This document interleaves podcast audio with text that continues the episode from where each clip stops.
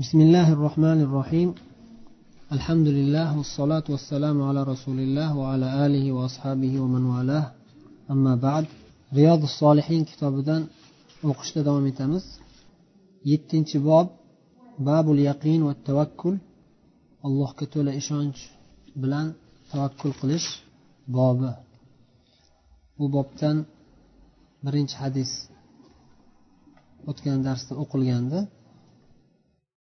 umumiy tartib bo'yicha hozir yetmish beshinchi hadisga yetib kelganmiz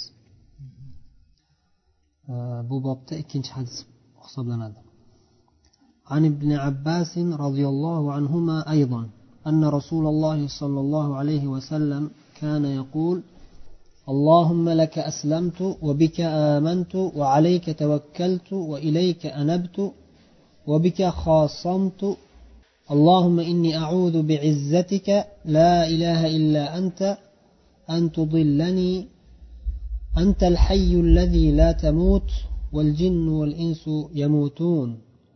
متفق عليه. وهذا لفظ مسلم واختصره البخاري. Demak bu hadis ibn abbos roziyallohu anhudan rivoyat qilingan Э, bo'lib bu hadisda rasululloh sollallohu alayhi vasallamning duolaridan bir duoni keltirilyapti. Rasululloh sollallohu alayhi vasallam ba'zi ba'zida duo qilib turardilarki quyidagi duo bilan duo qilib turardilar. Allohumma laka aslamt ey ollohim men senga islom keltirdim degani taslim bo'ldim. Senga iymon keltirib taslim bo'ldim degani. Obika amant va senga iymon keltirdim. Va alayka tavakkalt va sengagina tavakkul qildim. Suyandim. Sening o'zingga tayandim. Sening o'zingga topshirdim hamma ishlarimni degan ma'nolarni o'z ichiga oladi. Va ilayka anabtu va seni o'zingga men qaytdim degani.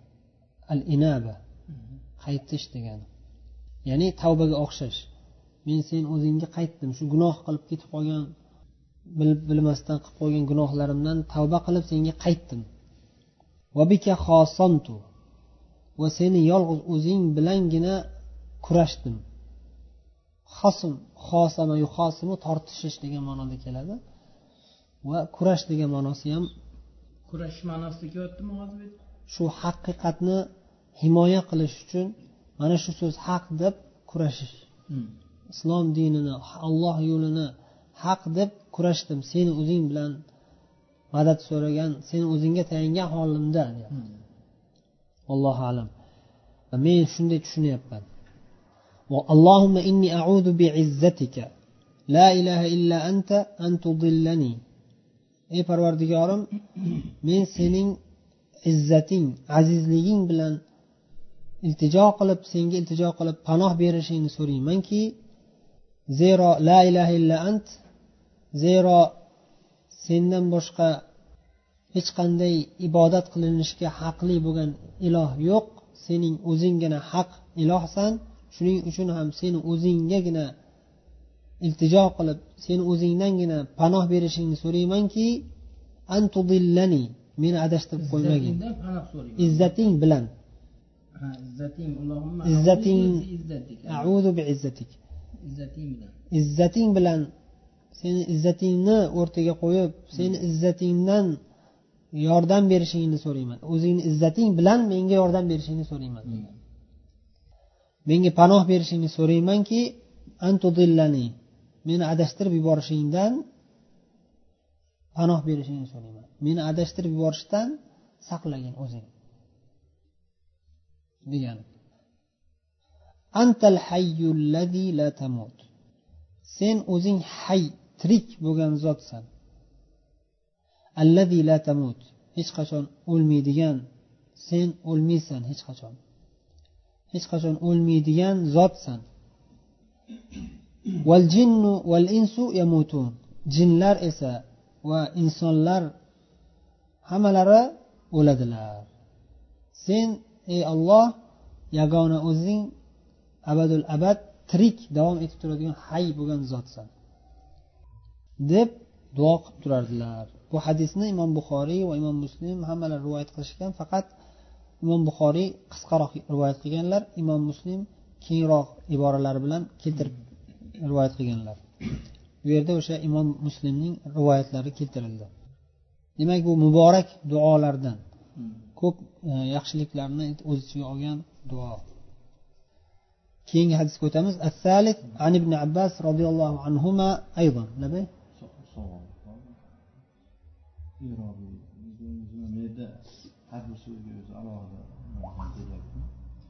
Aslamtuga laka amatuga bika tavakkaltuga alayka anabtuga ilayka xosantuga bika shu arab tili qoidalariga bog'liq. jihatidan yo o'zi arab tilida ba'zi bir fe'llar taaddiy qilganda harf jarlardan har xil bo'ladi. Ba'zi bir fe'llar lom bilan taaddiy qiladi. Taaddiy degani o'sha o'zi bir ma'no boshqaga bog'lanadigan boshqaga ta'sir qiladigan ma'noli fe'l mutaaddiy fe'l bo'ladi. Mutaaddiy bo'lmagan fe'llar maful bo'lmaydi.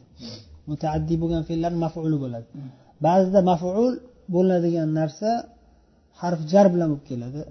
Ba'zida harf jarsiz keladi va harf jar bilan bo'lib kelganda ham ba'zi fe'llarga ila kiradi ba'zi fe'llarga ba harf kiradi bi bo'lib. Ba'zilarga lom kiradi. O'sha o'zini arab tilida samai bu samai. Arablardan qanday eshitilgan bo'lsa o'shanday olingan o'shanday bo'lib keladi.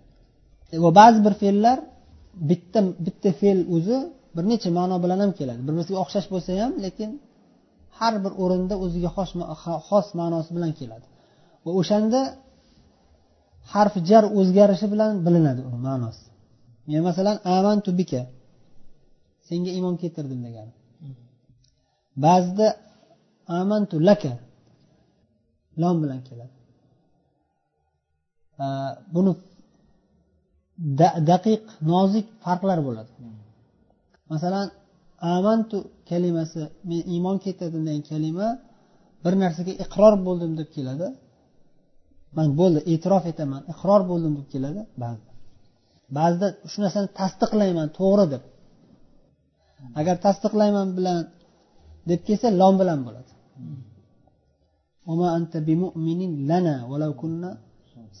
Yusuf alayhissalom qissasida yaqub alayhissalom farzandlari yaqub alayhissalomga aytishdiki yusufni bo'ri yeb ketdi yolg'on gapirishdida. Keyin aytishdiki sen bizga ishonmaysan ya'ni bizni tasdiqlamaysan deganda lom bilan kelgan bina deb kelmagan lana lom bilan kelgan ya'ni biz siz siz bizni hozir baribir rost gapiryapsan deb ishonmaysiz. Yolg'on gapiryapsan deysiz deb o'zlarini yolg'onchiliklarini ham haligi qo'rqoq birinchi qo'l ko'tararga o'xshab qoldi. Rost shunday. Demak o'sha arab tilini bu haligi kuchliligidan haqiqatda kuchli til bitta kalima ba'zida boshqacha bir necha ma'no bilan keladi. Bu o'sha harflari ham o'zgarib keladi. Va harf jarlar ham masalan ba'zida ikki xil uch xil ma'noda ishlatiladi. Masalan ila va har subhanalloh bu arab tilini haqiqatda chuqurligidan o'zgarishi bilan siyoq deb qo'yiladi. O'sha siyoqda jumlada kelishi bilan o'sha jumlada o'zgarayotganligini bilasiz va e, bitta harf o'zgarishi bilan yoki bitta harf tushirib tashlashi bilan ikkita uchta harfni jamlagan o'sha qisqa jumlani ichida ikkita uchta jumla borligini ishora qiladigan bo'lib keladi. O'zi masalan bitta misol keltirsak e, inson surasi hal ata alal inson surasini bilasizlar. O'shanda bir oyat bor. Aynan yashrabu biha ibadullohi yufajjirunaha tafjira. Aynan buloq. Yashrobu biha deyapti. O'zi aslida yashrobu fe'li yashrobu minha deb keladi. Yoki harf jarsiz keladi. Yashrobuha ishrobi shay. O'shani o'zini shunday ishrobi shay deb yoki ishrob mina shay choydan iching desa hammasini ichmang choy ozginasini iching degan choyni iching desa hammasini iching degan ishrobi shay desa yashrobu shay desa choyni ichi degan masalan yashrobu mina shay desa choydan ichyapti degan bu yerda yashrobu biha deyapti yashrobu biha deyapti nimaga bunday bo'lib keldi? O'zi aslida yashrobu doim nima bo'lib kelardi min bilan kelardi yoki shunday kelaverardi. Taaddiy qilib harf jarsiz. Desa ulamolar aytishadiki o'rganib chiqishgan arab tili qoidalarini o'sha arablar qanday ishlatgan uslublarni o'rganib chiqishadida aytishadiki agar shunaqa uslubda kelsa bu yerda aslida ikkita jumla bo'lgan. Ikkitani bittasini bundan hazil qilib tashlab bittasini bundan hazil qilib tashlab turib bitta jumlaga jamlab qisqartirilganda balog'atdan aslida nima bo'lgan desa yashrobuna minha yoki aynan yashrobu minha va yarvi biha ibadulloh. Va yarvi biha. Yarvi degan yashrobu biz masalan suv ichasiz. Suv ichganingizdan keyin odatda natija nima bo'ladi desa chanqoq odam chanqoq bosiladi. Yarvi degan nima degani? Chanqoq bosiladi degani. Chanqog'i bosiladi degani. Yashrobul maa va bihi. Suvni ichdi va shu suv bilan u chanqog'i bosildi deb ikkalasi birga aytilsa e, ikki xil ma'no e, ikkita ma'no ifodalagan bo'ladi. Birinchidan suv ichganligi va ikkinchidan haqiqatda shu suv chanqoq bosadigan suv ekanligi. Ba'zi suvlar bor masalan dengiz suvini ichsangiz chanqoq battar bo'ladi. Ba'zi bor chanqoq bosmaydi. Bu yerda alloh taolo jannatdagi o'sha buloqlardan ichgan odam faqat ichmaydi. Ichib faqat ichib mazasini tatib qo'yish kifoya o'zi shu bilan kifoyalanmaydi. Uni ichadi ham u bilan chanqog'i bosiladi degan ikkita uchta ma'noni bitta jumlaga sig'dirdi olloh bu qur'onni balog'atidan bu. Yashrobu biha deb ya'ni yashrobuna yashrobu minal mai aynan yashrobu minha va yarvi biha. Yashrobu minha va yarvi biha. Aslida to'rtta kalimani to'rtta kalimani. Olloh qisqartirib ikkita kalimaga sig'dirdi. Bu qur'onni balog'atidan va arablarda ham bor bu narsa. Lekin ular qur'on kelganda shunday taslim bo'lgan. Ya'ni arablardagi bor balog'atlarni aytishadi ulamolar. Masalan arablar haqiqatda juda kuchli balog'atli shoirlar juda kuchli balog'atli fasih odamlar bo'lgan arablar xosatan quraysh qabilasi. Lekin ularni aybi nimada? Ular aybi insonligida insonligida. Har qancha balog'at odam bo'lsa ham bir tomli she'r yozsa ham misol uchun bir tomli she'r yozsa ham shu she'rini shu she'rini bir tomli she'rini ichidan bir varog'i ikki varog'i eng oliy darajada bo'ladi. Qolganlarini qolgan shoirlar aytadiki a bu unchalik emas ekan deydi. To'g'ri she'r deydi. Lekin anavi mana o'rtasida kelganligi bir ilhoming kelganda shunday bir ilhoming kelibdiyo shu bir varaq ikki varog'i judayam chiroyli chiqibdi judayam go'zal chiqibdi. Unga o'xshaganini topish qiyin boshqalarida. Shu besh yuz varoqdan bor yo'q bir varoq ikki varog'i zo'r chiqadi. Qolganlar oddiy chiqadi.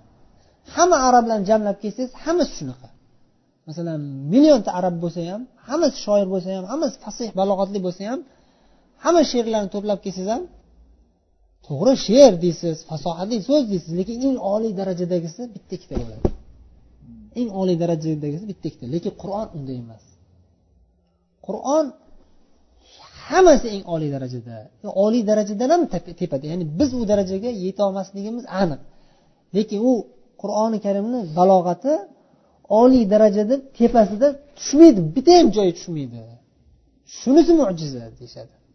Shu jihatdan gapirgan uni ichidagi ma'nolari ichidagi ilmlari u boshqa masalalar u har bittasi bir olam har bittasi bir olam. Lekin shu balog'atini gapirganimizda ham aytadi bitta oyatini o'zi misol uchun bitta oyatini o'zi eng oliy darajada bo'lsa o'sha oyatni o'ziga biz yetolmaymiz.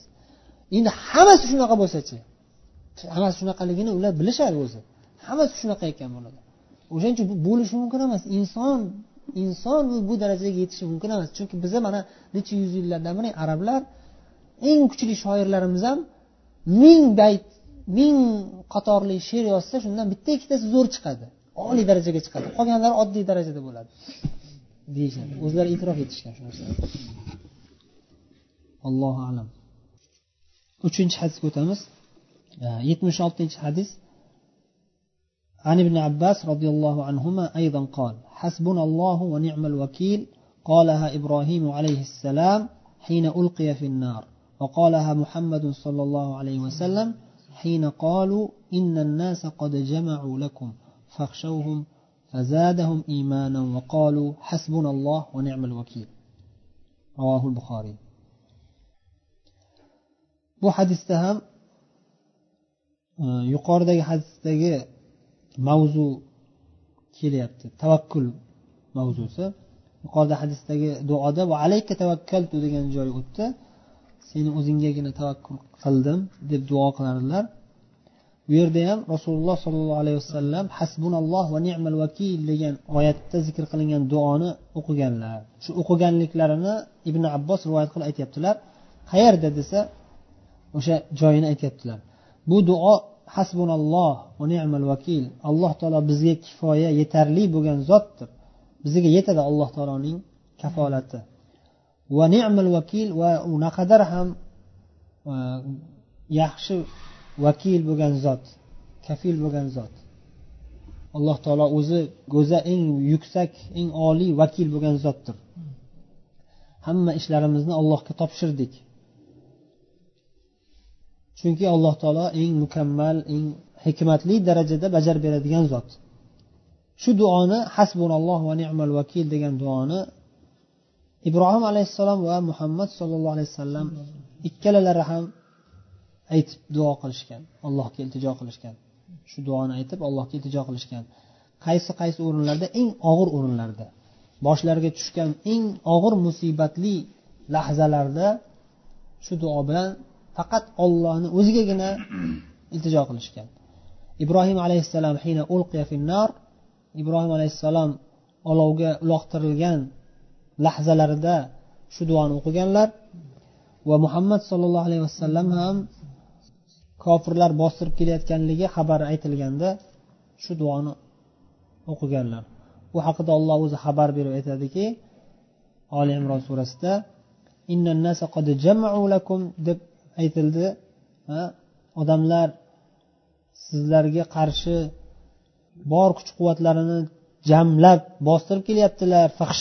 Ulardan qo'rqinglar deb aytilganda ular nima qilishdi? Ya'ni rasululloh sollallohu alayhi vasallam va sahobiy ikromlar nima deb javob berishdi? Qanday munosabatda qanday munosabatda bo'lishdi? Bu narsa ularning iymonlarini yanada kuchaytirdi yanada ko'paytirdi ziyoda qildi. Vaqol va aytishdiki ya'ni rasululloh sollallohu alayhi vasallam va sahobiy ikromlar aytdilarki hasbunalloh va ni'mal vakil. Bizning bizga ollohning o'zi kifoya yetarli bo'lgan zotdir va u zot naqadar ham yaxshi vakil bo'lgan zot. Yana bir rivoyatda imom buxoriyni rivoyatlari bu o'zi yana bir rivoyatlarida imom buxoriyni rivoyatlarida keladi yana كان آخر قول إبراهيم عليه السلام حين ألقي في النار حسبي الله ونعم الوكيل ibrohim alayhissalom olovga uloqtirilgan paytlaridagi eng oxirgi so'zlari hasbiyalloh va ni'mal vakil bo'lgan edi menga allohning o'zi kifoya va u zot o'zi yetarli vakil bo'lgan zot eng go'zal eng yaxshi vakil bo'lgan zotdir deganlar Demak bu yerda ikkita payg'ambar ibrohim alayhissalom bilan muhammad sallallohu alayhi vasallam ikkovlarining bir xil duolari zikr qilinyapti bitta joyda. Ibrohim va muhammad sollallohu alayhi vasallam bilan bir birlariga o'xshash jihatlari nimada? Ikkovlari eng ulug' payg'ambarlar. Payg'ambarlarni ichidagi eng ulug' ikkita payg'ambar kim? Muhammad sollallohu alayhi vasallam va ibrohim alayhissalom. Ikkovlari ham halilani lillah azza va jal. Ikkovlari ham alloh taoloning halili bo'lishgan. Halil degani eng yaqin do'st degani ibrohima halila deb olloh qur'onda xabar bergan. Ibrohimni alloh taolo o'ziga eng yaqin do'st qilib oldi degan. Niso surasida bir yuz yigirma beshinchi oyat. Va sahih hadisda rasululloh sollallohu alayhi vasallam o'zlarini ham alloh taolo o'ziga do'st eng yaqin halil do'st qilib olganligini xabar berib aytadilar. Albatta alloh taolo meni o'ziga eng yaqin do'st qilib oldi. Xuddi ibrohim alayhissalomni o'ziga eng yaqin do'st qilib olganidek dedilar bu xulla sifati ya'ni eng oliy eng yuqori muhabbat va do'stlik sifati faqatgina shu ibrohim alayhissalom bilan muhammad sallallohu alayhi vasallamga sobit bo'lgan. Ibrohim alayhissalom olovga uloqtirishlari qissasini bilasizlar eshitgansizlar. Mushriklarni butlarini sindirib tashlaganlarida ular g'azabi kelishib butlarimizni himoya qilishimiz uchun ibrohimni olovga yoqib kuydirib o'ldiramiz deyishadi olov yoqishadi. Keyin o'shanda olovga uloqtirilganlarida bir tobutga solib otib yuborishadi minjaniq deb qo'yiladi bir minjaniq o'zbekchasida zambarak deydimi zambarak bilan buyog'ini bitta bossa bu tarafidagi odam otib bu tarafdagi narsa otilib ketadi. Shunday qilib otishadi. Yaqinlashisha olmaydi olov juda katta olov yoqishadi o'zlari ham yaqinlashisha olmaydi. O'shanga ibrohim alayhissalom shu zambarak bilan otib uloqtirib yuborishadi. O'shanda havoda uchib ketayotganlarida ibrohim alayhissalomni oldilariga alloh taolo jibrilni yuboradi. Jabroil alayhissalomni yuboradi. Kelib alaka haja ya ibrohim seni biror bir ehtiyojing bormi? Tasavvur qiling. Shunday og'ir holatda o'zlari jabroil alayhissalom ko'rib turibdilar. Ibrohim alayhissalom muhtojligini lekin olloh ehtibor imtihon qilyaptida. Olloh imtihon qilyapti. Ulug' zotlarning boshlariga tushadigan imtihon eng og'ir imtihonlar bo'ladida. Ya'ni ikkita shu ikkita payg'ambarga eng og'ir imtihonlar kelgan. Eng og'ir imtihonlar eng og'ir musibatlar shu ibrohim alayhissalom bilan muhammad alayhissalomga bo'lgan sallallohu alayhi vasallam.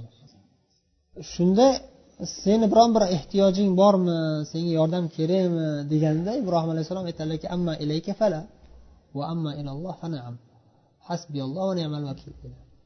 Senga hech qanday yordam ehtiyojim yo'q. Seni hech qanday yordaming kerak emas senga ehtiyojim yo'q. Ammo alloh taologa ha muhtojman. Hasbiyalloh va ni'mal vakil deyiladi o'shanday holatda ham shunday holatda xotirjam bo'lgan olloh yuborgan yuborgan jibrilni shu holatda shunday. shu holatda shundoq deganlar. Bu endi og'ir sinovlardan bittasida shunday. Keyin alloh taolo shunda olovga vahiy qiladi bilasizlar. Ya narukuni bardan va salaman ala ibrohim darhol o'sha olloh shu bandasidan shu duo chiqishini xohlab turadi olloh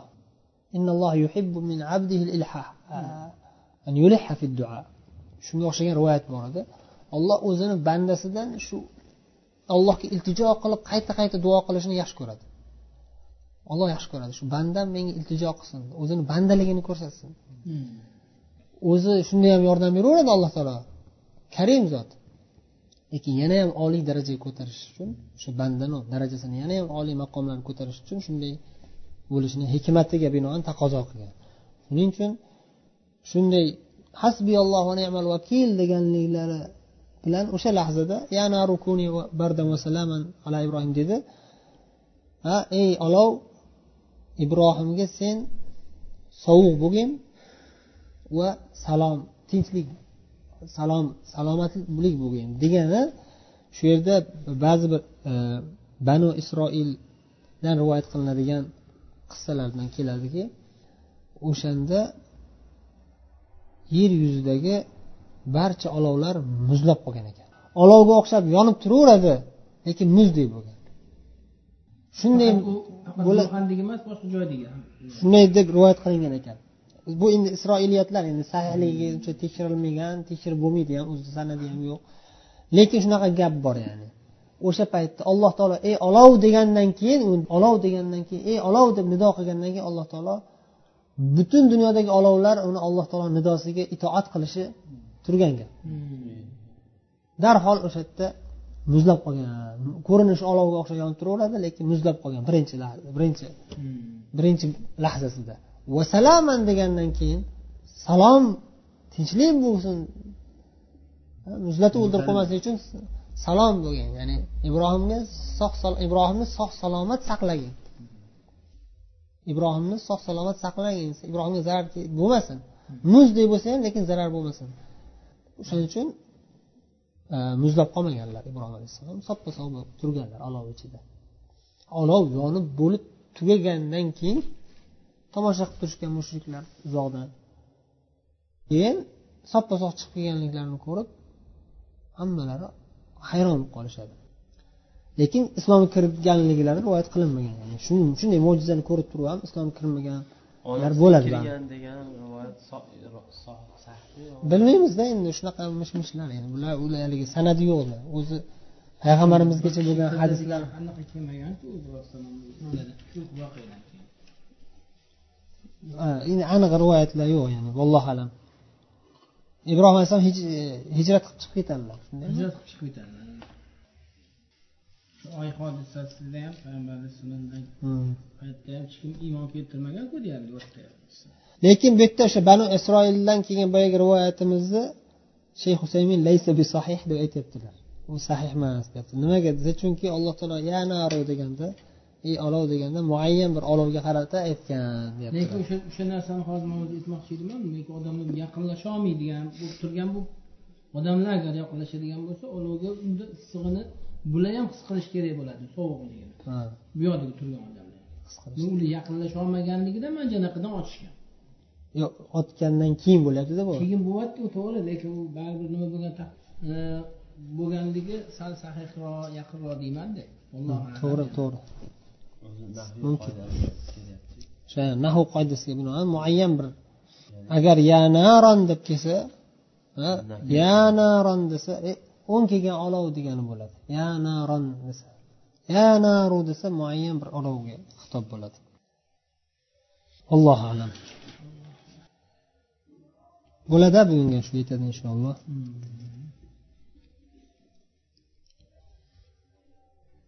Muhammad alayhissalomni darajasi ibrohim alayhissalomnikidan ko'ziydi yuqoriroqmi shunaqa gap e, ulamolar aytgan so'zlari bor. Buni dalili sifatida o'sha المقام المحمود المقام المحمود الوسيلة الوسيلة الوسيلة إنما رسالة الوسيلة المقام المحمود الذي لا ينبغي لأحد إلا لرجل وكما كما قال صلى الله عليه وسلم وأرجو أن أكون هو ذلك قيامة تبر وسيلة مقام مقام مقام maqom eng u bitta bandadan boshqa hech kimga nasib bo'lmaydi u maqom. Maqomil mahmud. Barcha haloyiq maqtaydigan mahmud barcha haloyiq maqtaydigan maqom martaba. Hech kimga nasib qilmaydi. Faqat bitta bandaga nasib qiladi deganlar va men o'sha banda bo'lishimni umid qilaman deganlar. Allohu alam shunday shu hadisga binoan o'sha rasululloh sollallohu alayhi vasallam ibrohim alayhissalomdan ko'ra ulug'roq darajada bo'ladilar